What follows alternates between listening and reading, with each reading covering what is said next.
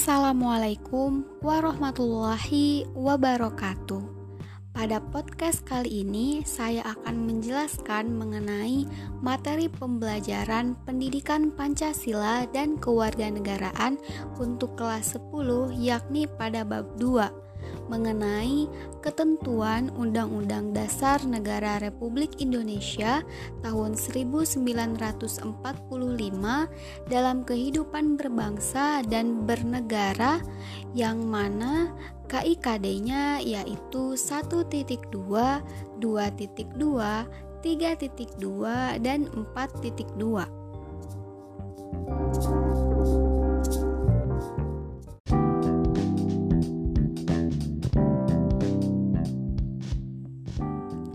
Oke, halo teman-teman. Di sini saya Banapsat Sapa Solihat dengan NIM 1904469 akan menjelaskan mengenai kemerdekaan beragama dan berkepercayaan di Indonesia. Teman-teman pasti tahu mengenai kemerdekaan beragama dan berkepercayaan.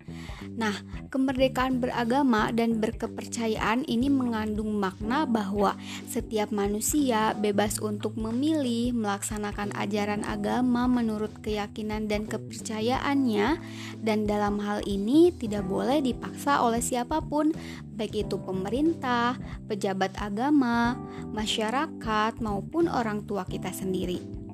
Nah, mengenai kemerdekaan beragama dan berkepercayaan di Indonesia juga diatur dalam Undang-Undang Dasar Negara Republik Indonesia tahun 1945 tepatnya pada pasal 28E ayat 1 dan 2. Pada ayat 1 menjelaskan bahwa setiap orang bebas untuk memeluk agama dan beribadah sesuai agamanya. Sedangkan pada ayat 2 menjelaskan bahwa setiap orang berhak atas kebebasan meyakini kepercayaan, menyatakan pikiran dan sikap sesuai dengan hati nuraninya. Sedangkan pada pasal 29 ayat 2 dijelaskan juga bahwa negara menjamin kemerdekaan tiap-tiap penduduk untuk memeluk agamanya masing-masing dan untuk beribadah sesuai agama dan kepercayaannya itu. Selanjutnya, ada ketentuan dalam mewujudkan kebebasan beragama dan berkepercayaan. Yang pertama, adanya pengakuan yang sama oleh pemerintah terhadap agama-agama yang dipeluk oleh warga negara, dan tiap penduduk juga memiliki hak dan kewajiban dan kedudukan yang sama dalam pemerintahan. Pada ketentuan kedua, yaitu adanya kebebasan yang otonom bagi setiap penganut agama dengan agamanya itu. Apabila terjadi perubahan agama yang bersangkutan mempunyai kebebasan untuk memilih agama yang dikehendakinya.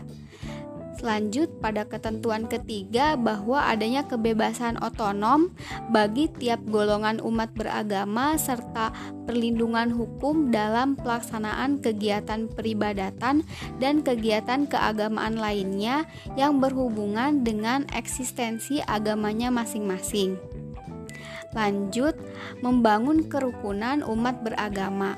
Kerukunan umat beragama ini merupakan sikap yang netral umat beragama dalam rangka mewujudkan kehidupan yang serasi agar terbidanya kehidupan yang baik dalam pergaulan antar warga baik seagama, berlainan agama maupun pemerintah.